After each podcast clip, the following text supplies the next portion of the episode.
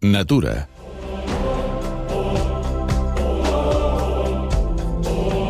L'any 1831 el Beagle va posar rumb cap a les Illes Galàpagos amb Charles Darwin a bord a la recerca d'espècies animals. La diversitat de les illes el va deixar meravellat i va ser a les Galàpagos situades a 1.000 quilòmetres de les costes de l'Equador on va fer alguns dels seus descobriments més importants que van ser el pas previ de l'elaboració de la teoria de l'evolució de les espècies.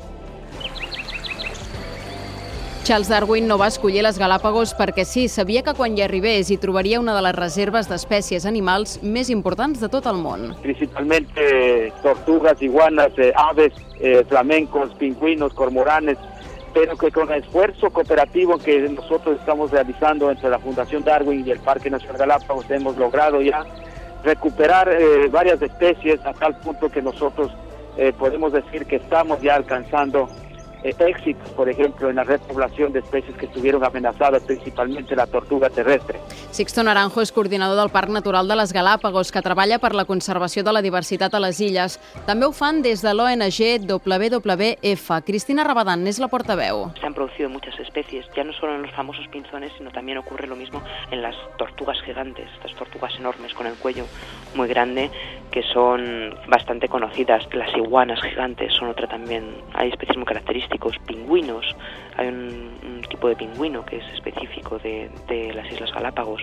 Es un lugar con muchísima riqueza y por eso es fuente de atracción para, para tantos y tantos turistas.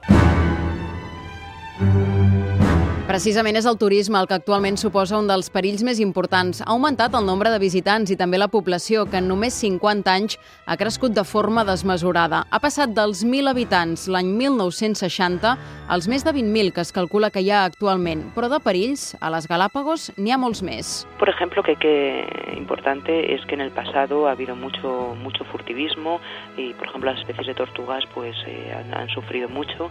Otro problema así muy, muy importante, el desarrollo que ha tenido las zonas agrícolas y también ha causado bastante, bastante daño. Otro problema, la pesca. Es, eh, esto, esta zona es reserva marina desde el año 86, pero sin embargo pues sigue habiendo problemas de, de pesca il·legal. I són ara les espècies autòctones de les illes les que estan seriosament amenaçades, una amenaça que arriba per altres animals, com cabres, coloms, rates, gossos, gats o moltíssimes altres espècies introduïdes de forma artificial. Hoy, por ejemplo, se cree que hay unas 500 especies de, de plantas invasoras en, en las Islas Galápagos.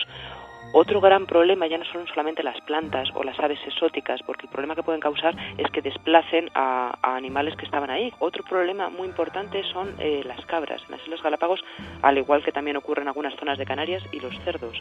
Eh, hay, hay, islas con más de 30.000 cabras y, y, estas cabras pues bueno, producen un gran daño sobre especies endémicas de, de plantas vegetales.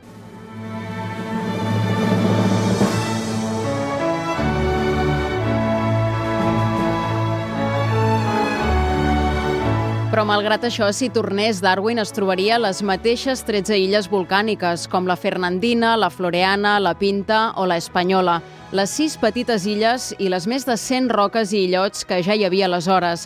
Les anomenades Illes Encantades, hàbitat de gairebé 10.000 espècies naturals, que fa pràcticament 200 anys li van servir per elaborar una de les teories més importants per entendre l'evolució de la humanitat.